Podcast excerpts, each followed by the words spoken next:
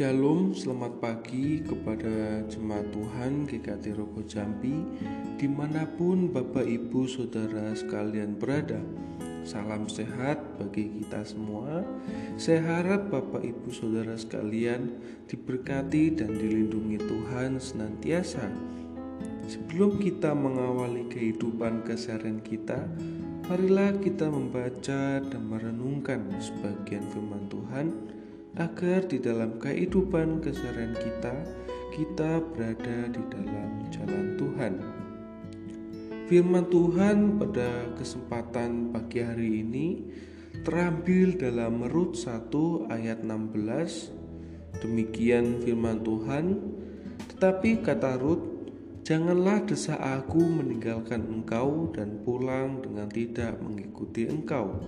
Sebab ke mana engkau pergi, Ke situlah, ke situ jugalah aku pergi, dan di mana engkau bermalam, di situ jugalah aku bermalam.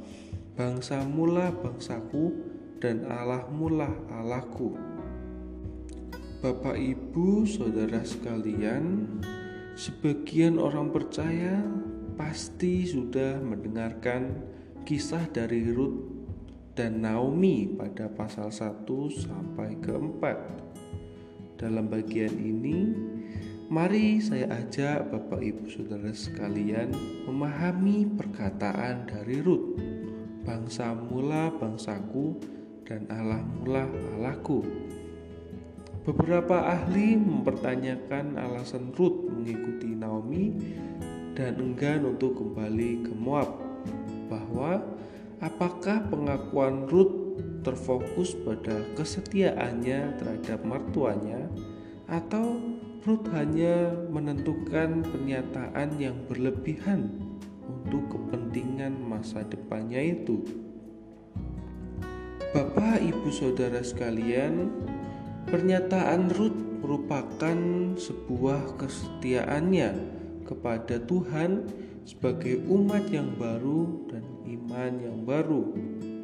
Ini adalah sebuah perpalingan yang dilakukan Ruth dari kehidupan dan agamanya yang lama dan komitmennya kepada bangsa dan Allah Israel. Ruth sebagai orang asing atau orang Moab dan pendatang secara tegas meninggalkan iman masa lalunya dan mengikuti iman Naomi yaitu yang menyembah Tuhan Allah Israel. Jadi dalam hal ini Ruth berusaha mengidentifikasikan dirinya sebagai orang Yehuda yang memiliki iman dan menyembah Allah Israel. Ketika Ruth masuk ke Bethlehem, tidak hanya menjadi orang Israel, tetapi juga kesamaan iman kepada Allah Israel.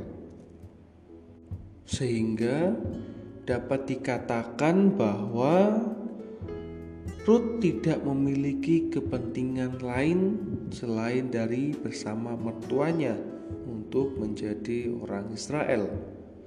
Ia tetap ingin bersama dengan mertuanya apa pun yang terjadi dan di mana pun mereka akan tinggal. Lebih jauh lagi, kita dapat melihat rencana Allah yang lebih besar kepada umatnya melalui Rut garis keturunan Sang Mesias yang, dijanji, yang dijanjikan untuk menyelamatkan umat manusia. Melalui pertemuan Boas dan Rut inilah Mesias akan dilahirkan Sekalipun kondisi sangat tidak berpihak, Ruth tetap setia dan mengasihi mertuanya. Ia rela tinggal di mana pun Naomi tinggal untuk memulai kehidupan baru bersama dengannya. Kesetiaan Ruth tidak berubah meski di tengah masalah. Oleh karena itu, Bapak, Ibu, saudara sekalian, bagaimana dengan kehidupan kita? Apakah di dalam kehidupan kita kita percaya kepada Allah yang benar? karena kita ingin menginginkan sesuatu dalam kita percaya kepada Allah. Mungkin di dalam hati kita, kita berpikir bahwa ketika saya percaya kepada Allah, ketika saya menyatakan pengakuan iman saya kepada Allah, supaya saya menjadi orang kaya ataupun menjadi orang terkenal ataupun sesuatu yang lain Motif apa kita percaya kepada Allah Israel, kepada Allah Yakub, kepada Allah Abraham? Apakah kita percaya tanpa ada kepentingan yang lain, tanpa ada kepentingan yang buruk? Oleh karena itu, Bapak, Ibu, saudara sekalian, marilah kita lihat diri kita apakah kita sungguh-sungguh percaya kepada Allah yang benar untuk kepentingan Tuhan itu sendiri, bukan kepentingan pribadi kita. Amin untuk firman Tuhan. thank you